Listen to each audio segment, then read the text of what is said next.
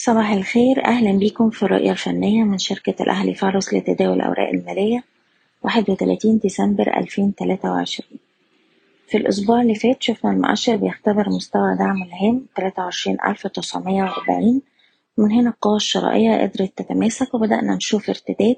قفلنا الأسبوع على ارتفاع عند مستوى ال 24691 نقطة في جلسة الخميس كان في اختبار لمستوى المقاومة ل 24850 والمستوى ده بيمثل نسبة ارتداد 61% من موجة الهبوط الأخيرة. لكن القوى الشرائية ما قدرتش تحافظ على المكاسب بتاعتها لنهاية الجلسة ولا قدرت تأكد اختراق المستوى ده الأعلى واللي لسه مازال مستوى مقاومة هام بالنسبة لنا.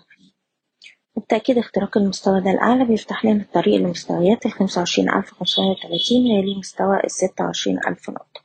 وهتظل فرص استمرار محاولات الصعود قائمة طول ما إحنا محافظين على مستوى الدعم بتاعنا وحماية الأرباح على الأجل القصير عند التلاتة وعشرين ألف تسعمية وأربعين.